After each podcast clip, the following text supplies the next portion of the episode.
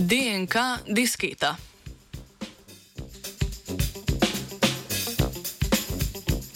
Deoksiribonukleinska kislina ali krajše DNK je v organizmih glavna nosilka genetskih informacij.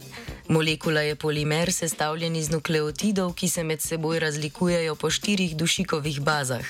Že v 80-ih letih prejšnjega stoletja so se molekularne biologinje poigravale z idejo o shranjevanju digitalnih podatkov na bioloških nosilcih, vendar je bila zaradi cene sinteze in branja sintetične DNK takšna metoda precej nedostopna.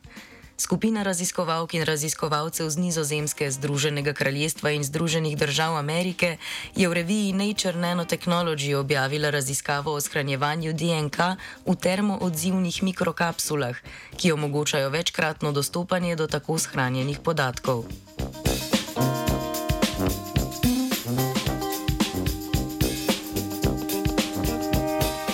Dan danes človeštvo proizvede ogromne količine podatkov, vendar so kapacitete za njegovo dolgoročno shranjevanje omejene.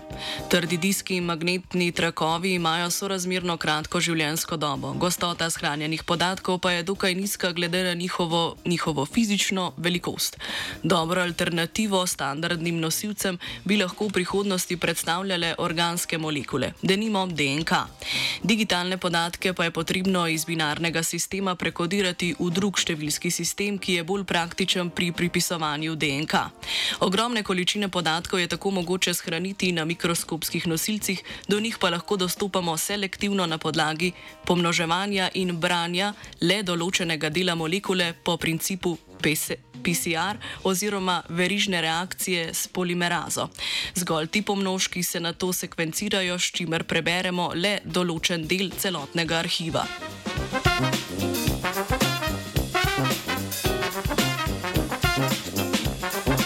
Raziskovalna skupina je razvila metodo enkapsulacije DNK v termoodzivne mikrokapsule sestavljene iz proteinov. Te kapsule postanejo porozne le v določenem temperaturnem območju, drugače pa so zaprte in predstavljajo fizično bariero za prehod PCR reagentov do biološkega arhiva zgolj takrat, ko to želimo.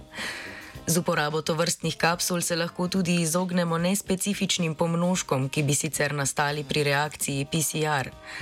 Med pridobivanjem specifičnih podatkov oziroma datotek iz bazena informacij lahko tako pridobimo zgolj arhivske podatke, ki jih želimo.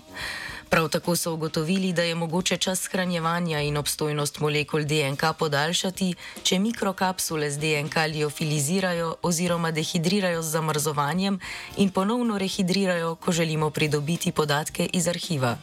Ja, ja.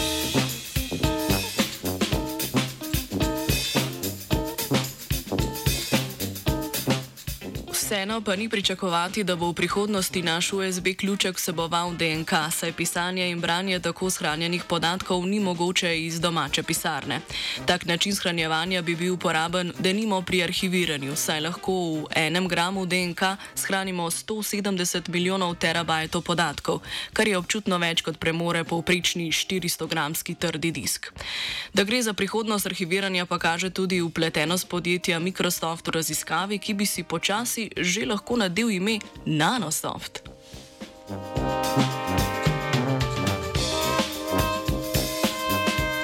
Danes je CCG, ATC, AGTC, GC, ACGT, TIM.